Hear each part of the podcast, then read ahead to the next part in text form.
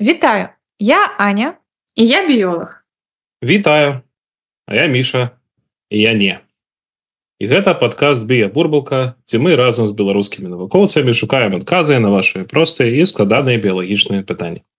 Гэтым разам у нас такі святочны выпуск калядна навагодні і до нас далучыўся такі вельмі дарэчны гость беларускі заолах палярнік Дмітрий лукашанец Дмітрий быў у навуковых экспедыцыях у арктыку і антарктыду Дмітрий прывітанне прывітанне расскажи крыху про сябе чым ты займаешься адкуль ты нувогуле ну, з беларусі але так сталася что цяпер я живу у літве у вельмі таким файным горадзе клайпеда на узбярэжжа балтыйскага мора і працую у клайпецкім універсітэце у інстытуце марскіх даследаванняў калі так казаць такімі простымі словамі то я заолог я вывучаю жывёл але таких жывёл вельмі спецыфічных. Таму жывёл гэта не толькі млекакормічы там ці птушки ці рыбы.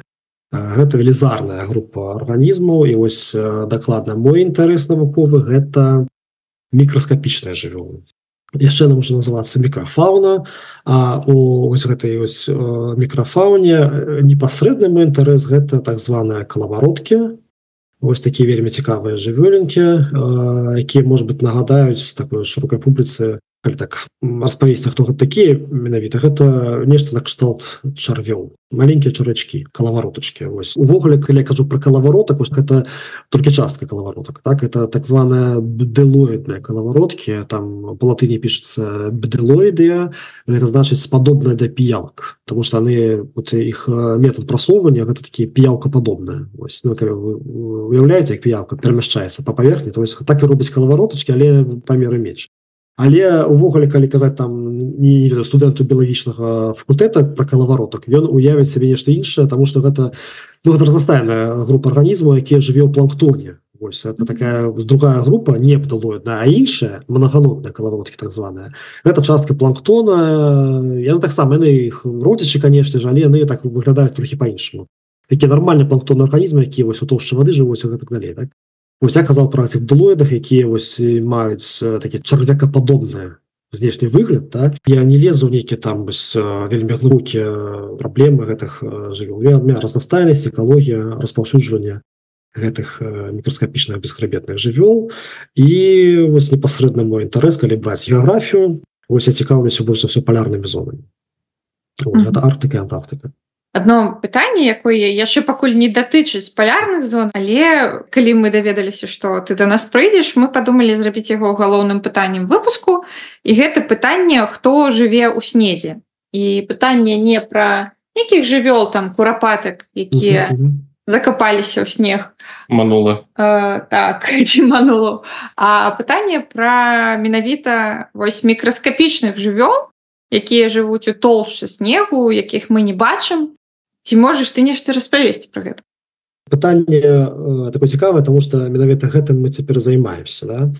Увогуле у снезе жыве вельмі шмат арганізмаў так? Вось я не буду браць нават мікраарганізмы мікраскапічнай водрасці ўсё гэта дробіць тому что калі я кажу пра сваіх жывёл яны мікраскапічна але гэта сапраўдны жывёл. У іх есть тканкі у іх есть органы у іх есть часткі цела і так далей так?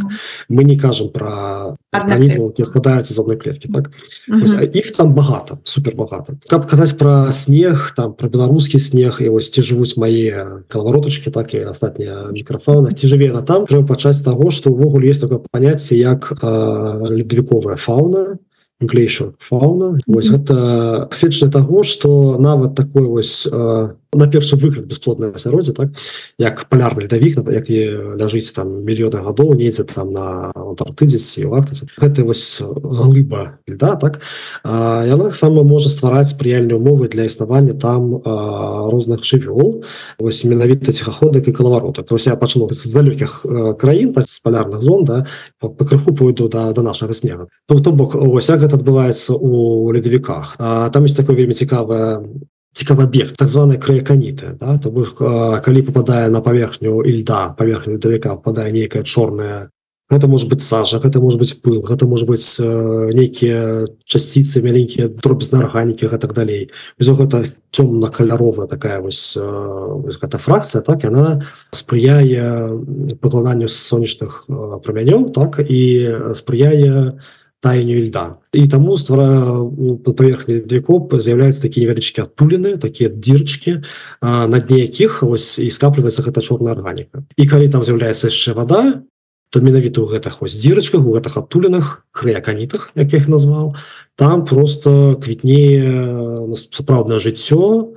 многоклетачнае жыццё мікраскапічна але многоклетачная вось менавіта тыя ціхагодкі і калавароткі дзе такія найбольш распаўсюджаныя групы мікраскапічных жывёл Вось які там могуць нават не, не выжываць а сапраўдна жыць і квітнець.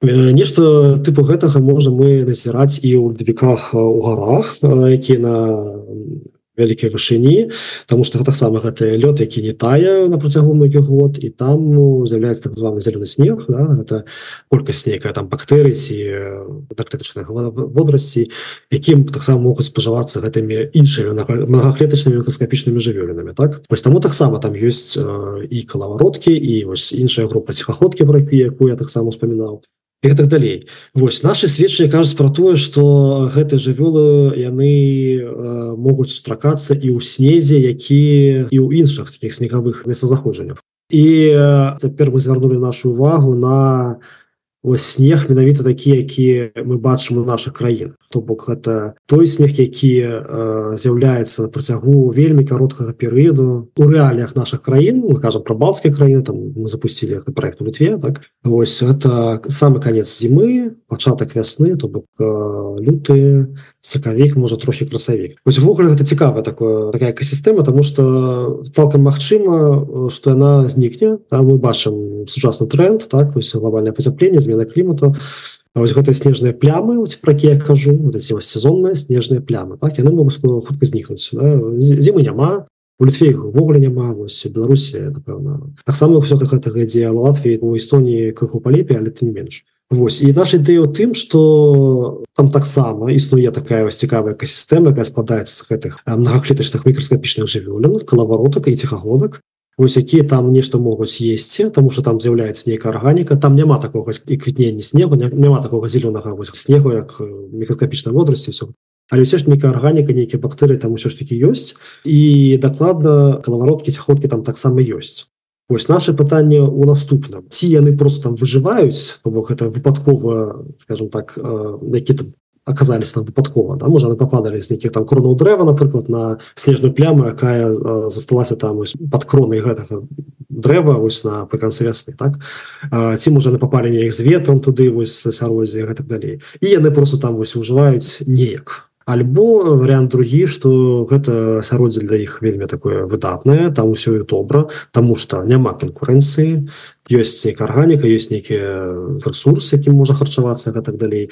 А самі гэтыя істоты яны яны вельмі выбітныя у плане выжывання ў экстрэмальных умовах. Бок для іх там усё добра яны там не просто выжываюць яны там могуць размнажацца яны там могуць квітнець.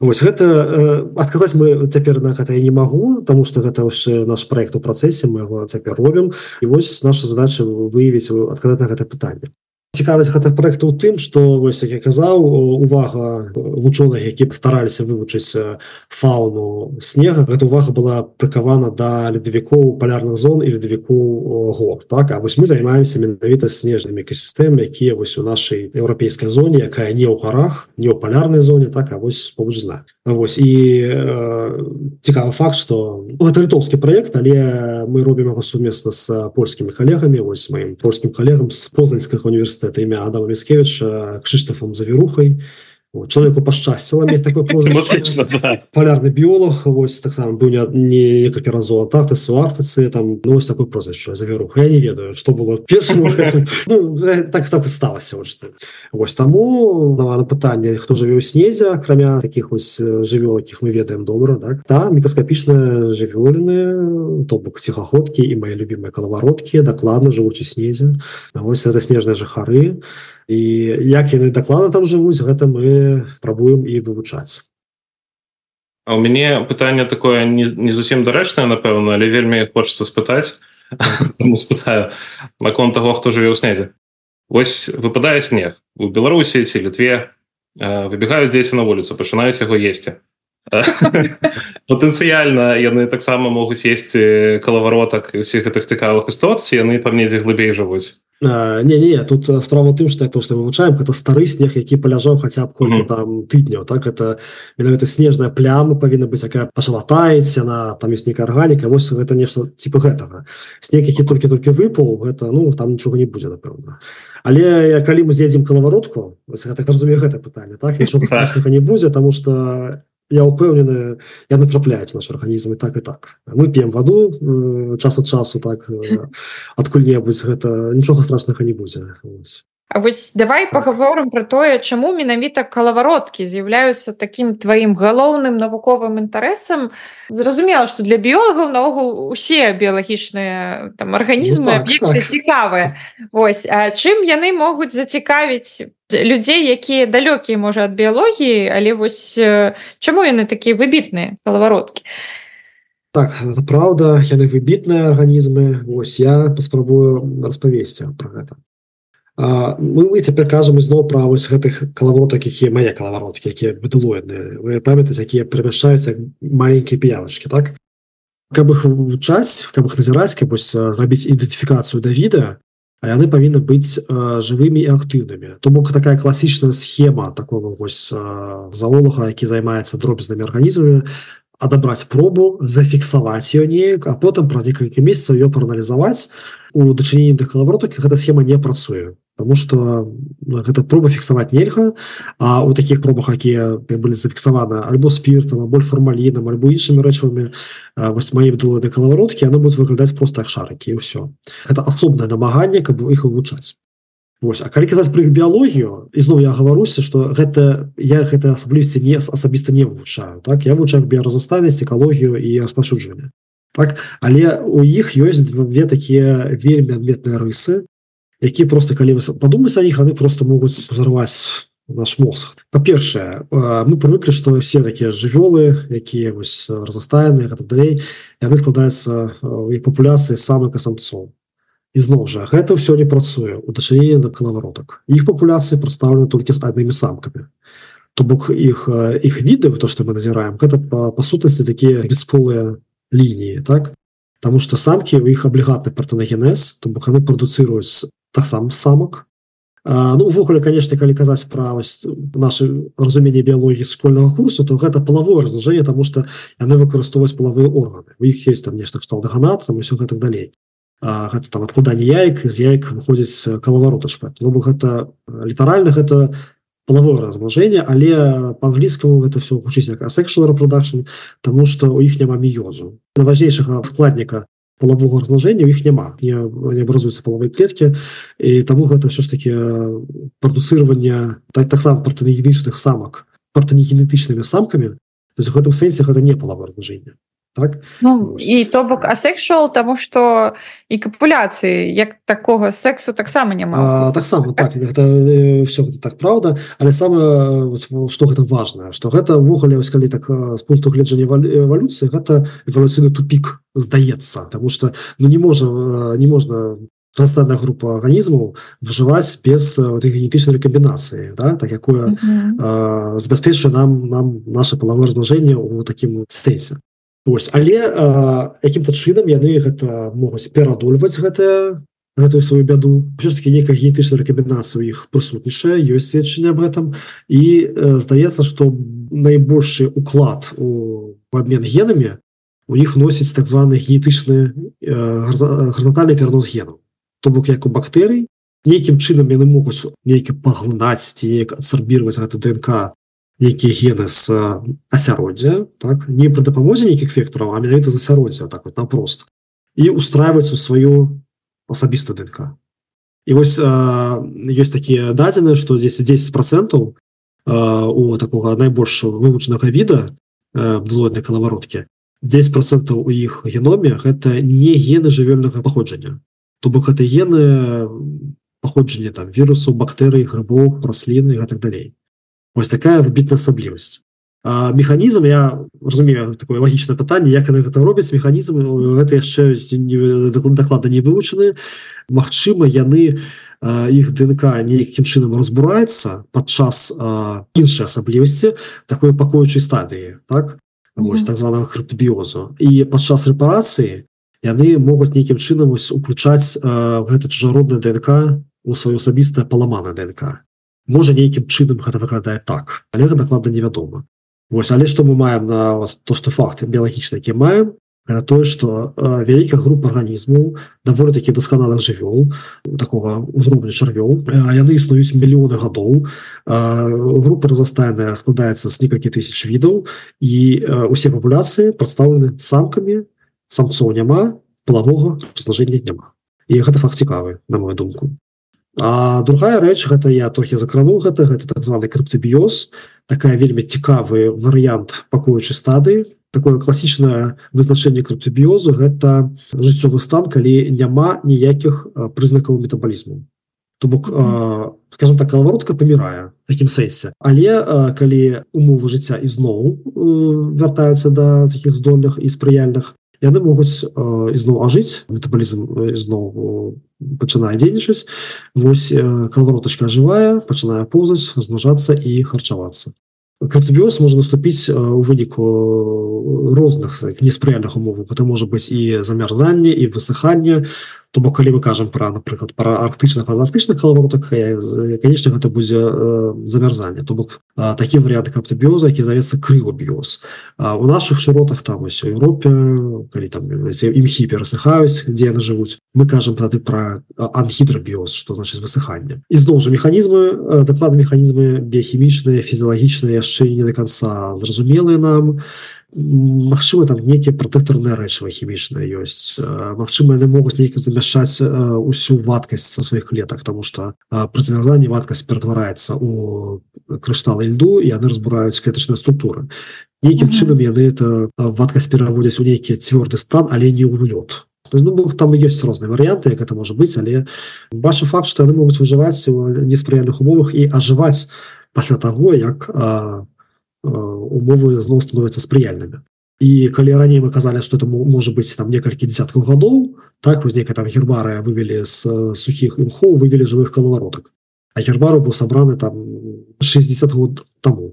Але цяпер гэты рэкорд гэта выжывання у гэтым стане ён пашырыўся значна тому что ёсць дадзена есть такі вельмі цікавы цікавы навуковы артыкул як расійскія вучоныя змаглі выдзеліць калаваротак які потым ажылі з керну вечнай мерзлаты які быў сабраны ў Сібіры і я не памятаю дакладна узрост гэтага керна але гэта прыстацэнавы керн то бок это ну это тысяча гадоў.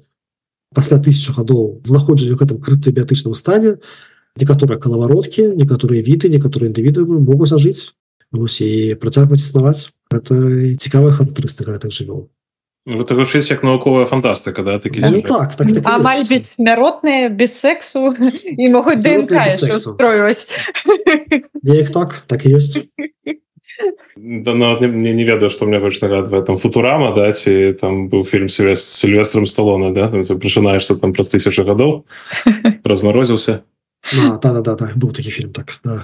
і прыйшоў Дмітрый які цябе ловіць і вязе ў літву ну, зразумела што ўсё гэта працуе на бесхабетных жывёлах як это механізм перанесці для чалавека гэта ну, гэта пакуль об этом мы не задумваемся нешта іншае зусім нам трэба яшчэ выявіць э, наогул як беларусу стаць палярнікам і і что ты там забыў на тых палюсах як ты там Ось, як праходзіў твой шлях навуковы і что ты там вывучаеш каліць про Беларусь то ну что у нас есть беларуская артычная экспедыцыя яна дагэтуль ёсць она была яна стартавала двухтысячных нейкіх годах 8 напэўна вось цяпер уже 16 экспедыцыя поехала. Кожны год она отправляется.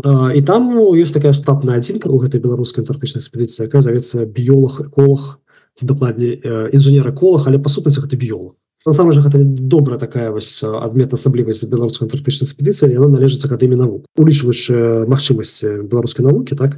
Там такая цікавая і досыць разнастайная навуковая праграма якая складаецца з некаторых складнікаў. Там ёсць фізікі ёсць геолагі. Ну, фізікі там две частцы насамрэч. Вось ёсць біолагі.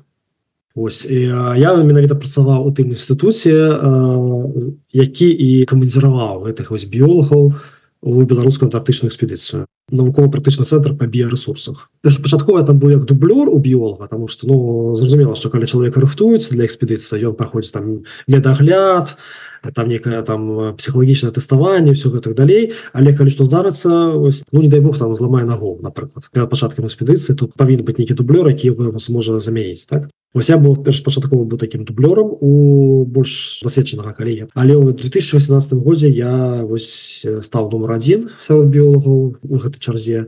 Вось і паехаў так. То, бок гэта магчыма калі казаць про Беларусь то у навуковую кар'еру это может быть дзіўна вучыць але гэта так. Вось таксама такая чарга ёсць у фізікаў геолагаў.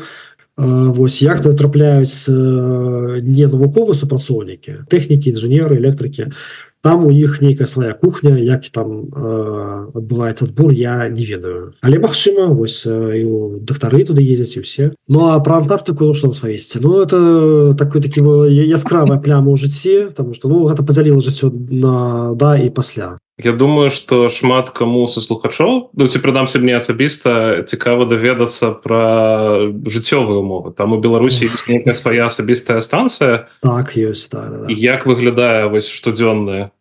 Ой, як выглядае? Станцыя ввогуле ну як там гісторыя беларусю антарктыцы калі мы адсачэм савецкі перыяд да, там что беларусы як у складзе савецкіх экспедыцый зразумела былі антарктыцы так? Там больш за 100 чалавек нарэчы усе савецкія станцыі антарктычна якіх было каля шасі яны все дасталіся Росіі беларусы пачалі з нуля. Наша станцыя знаходзіцца ў такім сапраўдна антарктыцы так? Калі вы уявіце себе мапу карту антарктыды вы бачыце ось гэты полуостров да там умовы больш-менш там летом ну, на гэтых тэрыторыях які бліжэй да мора там летом то бок там снежны студзень там можа быть температура там больш чым плюс 10 напрыклад так А астатняя частка так званая усходняя антарктыда гэта сапраўда такія антарктычныя умовы то бок там працаваць так вось больш-менш комфортна каб рабіць нейкія палявыя даследаванні то что для біолога патрэба так? Гэта можа толькі на працягу некалькі месяцаў. Літаральна другая палова снежня там студзеня ўжо ў лютым пачынаецца пачынаюцца мацнейшыя морозы пачынаюцца мацнейшыя ветры. Можа быть і ветер сам такі фактор такі небяспечны для жыцця нават для здароўя для працы. Вось.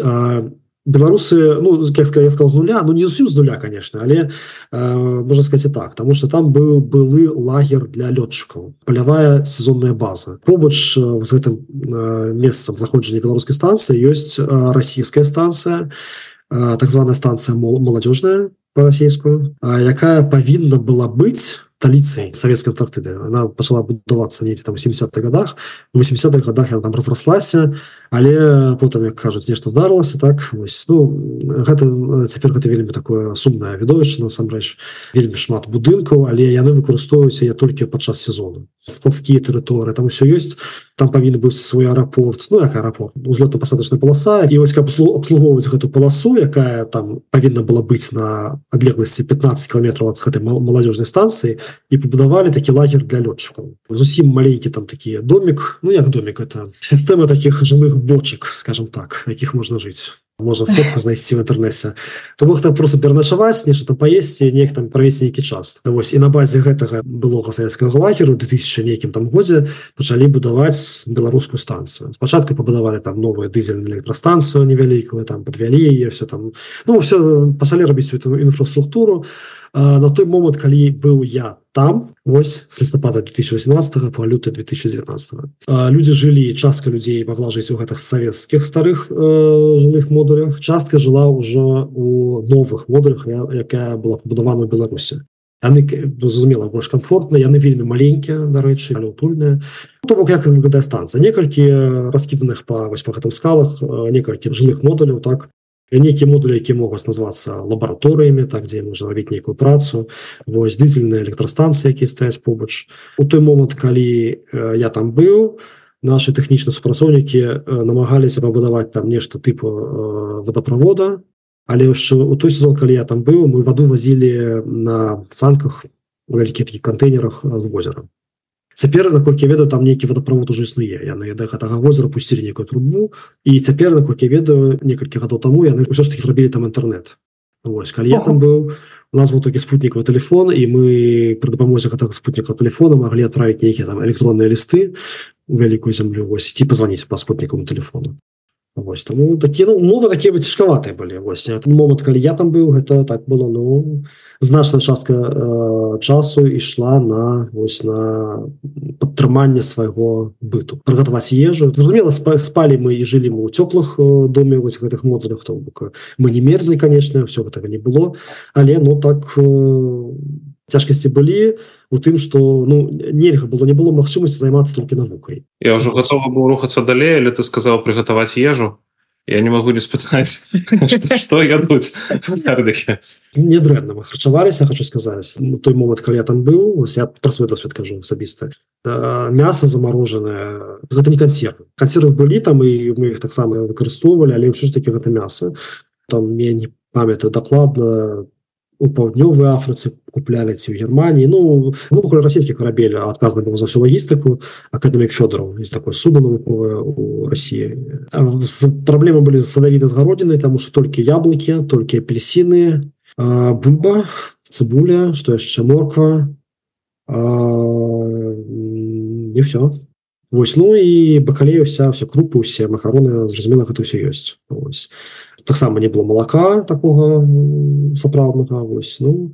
Тут праблема было не прадуктах а ўздольнасці потому что ізноў я калі быў не было прафесійнага кухара. Цяпер з імі ездзіць нейкі там кок якія прафесіяналы і яны там адпачуваюць сваім страўнікам але калі мы былі там ну напрыклад я не вельмі здолен да кухні галоўны кухар наш быў наш доктор які адразу з папярэдзю сказаў что хлопцы выбачайце я жанаты чалавек моя жонка гатуе дома вось я з голода не памерці вам не дам зразумела але но як будзе так будзе але такого нічога не было страшнага все было добра ось у нас там быў фізік малады хлопец які готовы можа быть лепш за ўсіх ось там намагаўся нешта такія перагіна вот там пекчы у вас были дзяжуры былі нават да? Да да так вось калі я вот у мою экспедыцыю у 11 антарктычную экспедыцыю наш доктор быў вось он дзяжурыў палову всяку часам то мог там 43 дні ў тыдзень а астатнія вось дні тыдні былі размеркаваны паміж астатнімі удзельнікамі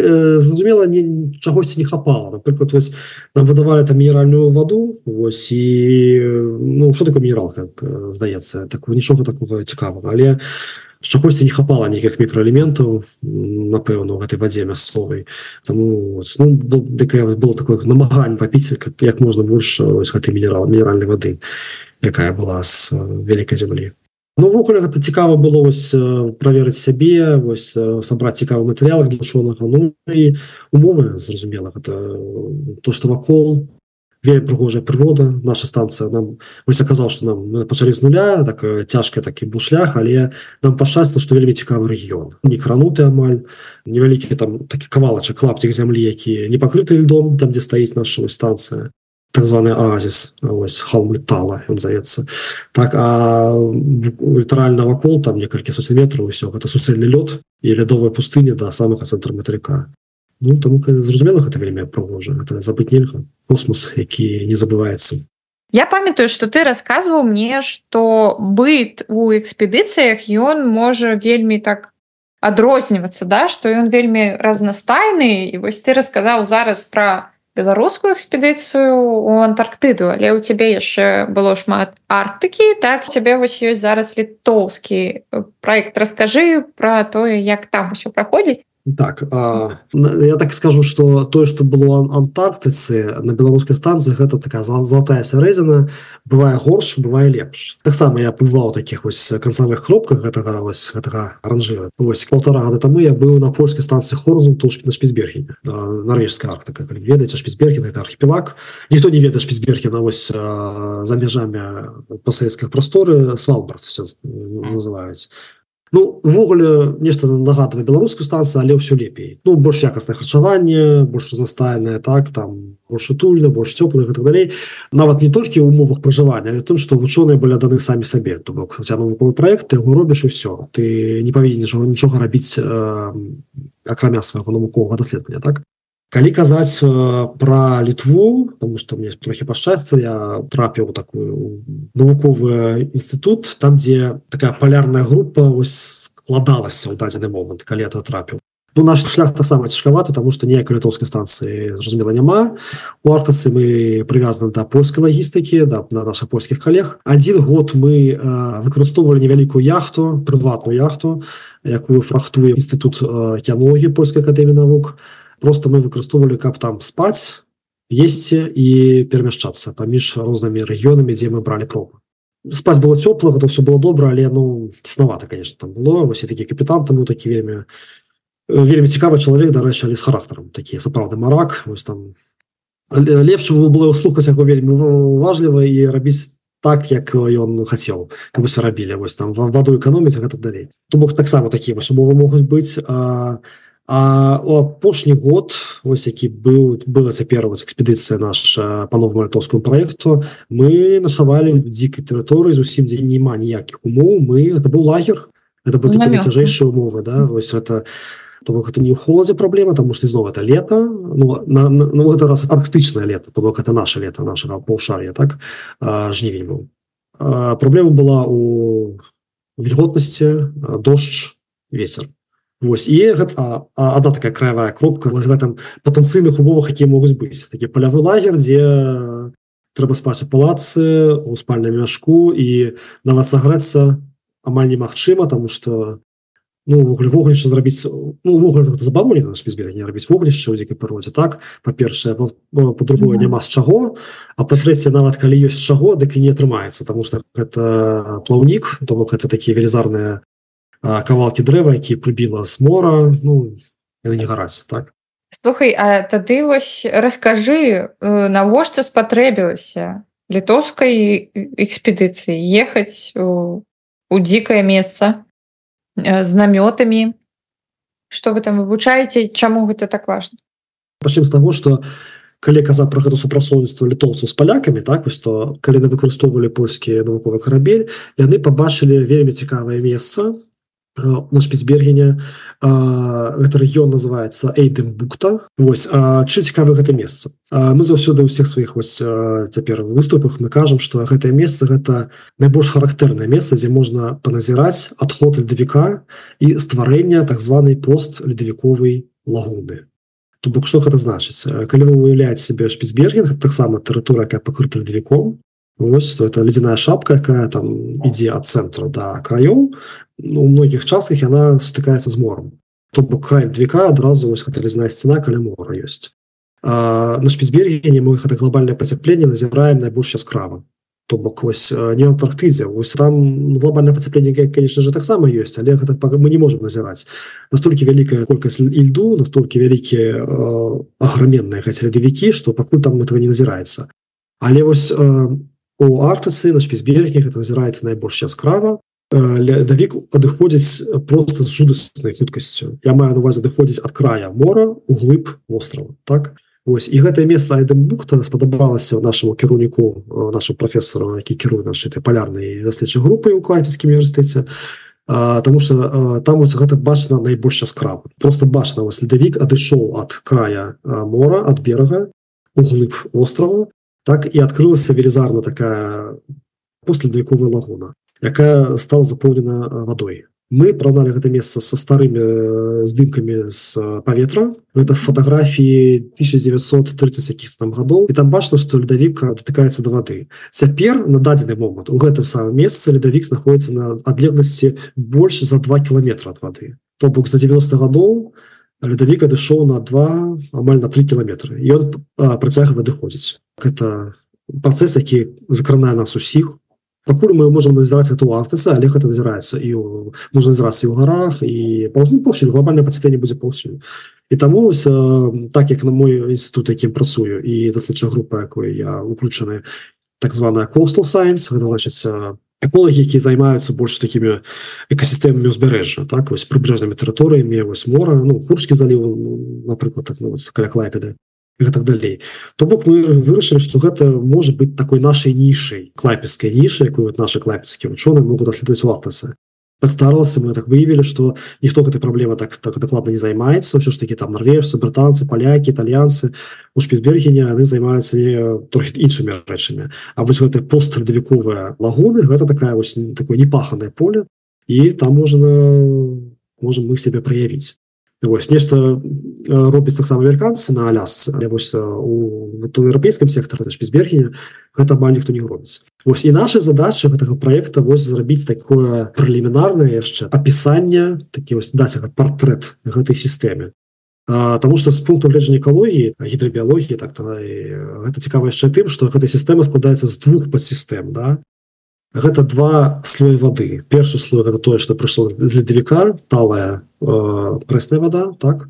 Вось то что унізе гэта унізе гэта морская вода якая прыйшла з океан і вось гэты пераход ад прэснай да саленай воды так званая галаклін ён фенаменальны ён mm -hmm. вельмі рэзкі ён вельмі значны. І вось э, функцыяванне і вось э, фарміраванне як асноўныя біятычныя кампаненты гэтых падсістэм у гэтай сістэме постледавіковай і ёсць асноўны прадмет нашага вывучэння у рамках гэтага проекта.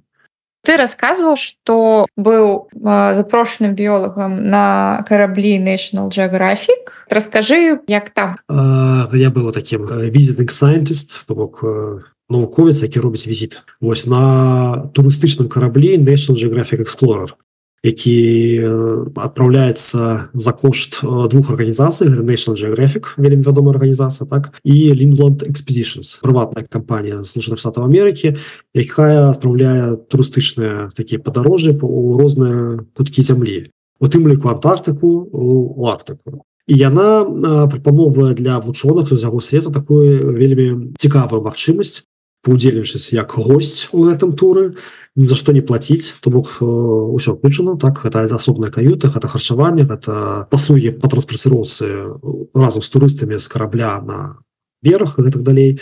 Вось але ты робіш сваю навуковую праграму.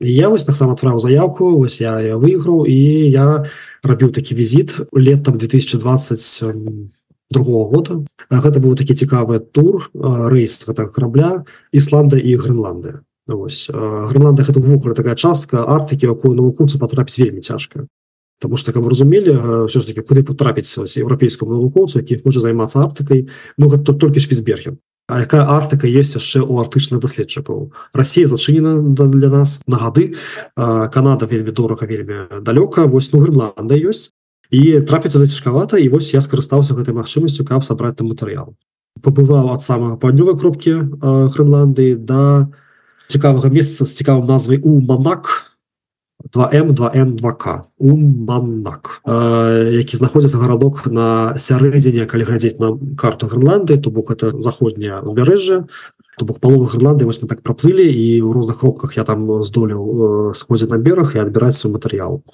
на сваіх любімых калаваротак дарэчы Вось і там калі казаць про умовы умовы там былі конечно фантастычныя я нават паглядзеў колькі каштую гэта вось такая путёўка такі тур Ну гэта 20 тысяч даляраў каб разумелі. Як это выглядала? Гэта амерыканцы жанчыны мужчыны сталага век там увогуле з Еўропы было вольтаралі некалькі чалавек. Адно з умоў для удзелу такім туры як візітан сайентст было даць публічную лекцыю. Ты павінен быў расказаць пра нейкі чым займаешься ну нешта цікавае так?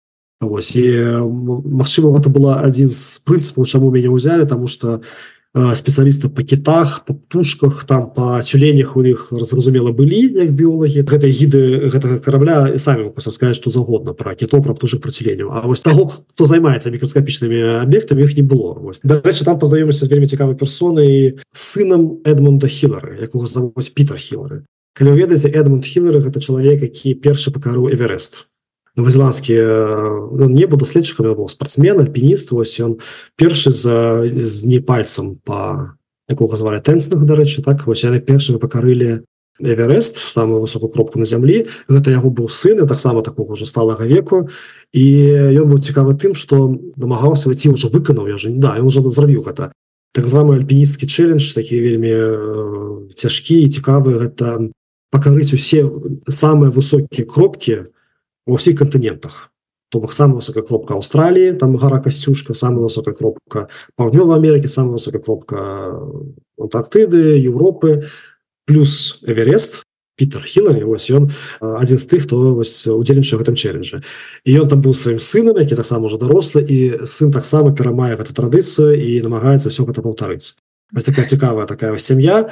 Гэта дарэчы про тое что что такое увогуле палярная падарожжа. Гэта не толькі прырода не толькі нейкі выпрабаванні не толькі навуковы інтарэсы таксама яшчэ і людзі з якімі можна пазнаёміцца і просто ну, ну гэта вельмі цікава на мою думку. Я уже уяўляю як гэты выпуск слухае моя жонка і зайздросціць просто весь час.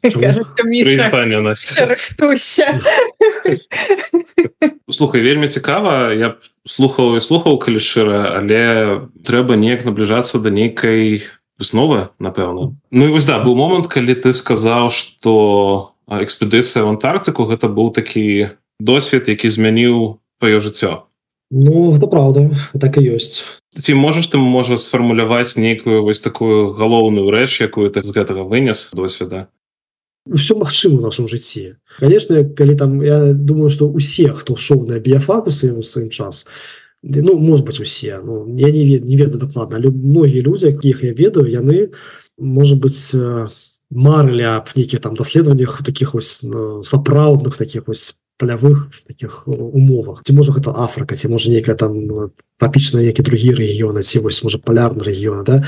Здаецца что вось у мінску на біялагічным факультэце гэта все немагчыма калі мы акунаемся ў гэтую руціну выкладанне біялогіі ўсё гэта так здаецца что ну дзе мы у мінску ідзе все гэта вось гэтыя мары аб падарожжах так? Это все дасталося альбо ў 19 стагоддзе альбо гэта ўсё у Амерыцы у ЗША там Великабрытанія таких буйных дзяржавах але вось не ўсё магчыма нават у беларусі ось і потым адразу пасля гэтага глава нумар два моего жыцця калі я эміграваў літву ізноў здаецца вось ты не намеціў нейкую нішу такого даследчага палярнага. Ты ўсё брубаеш едзеш у новую краіну дзе усё гэтага няма.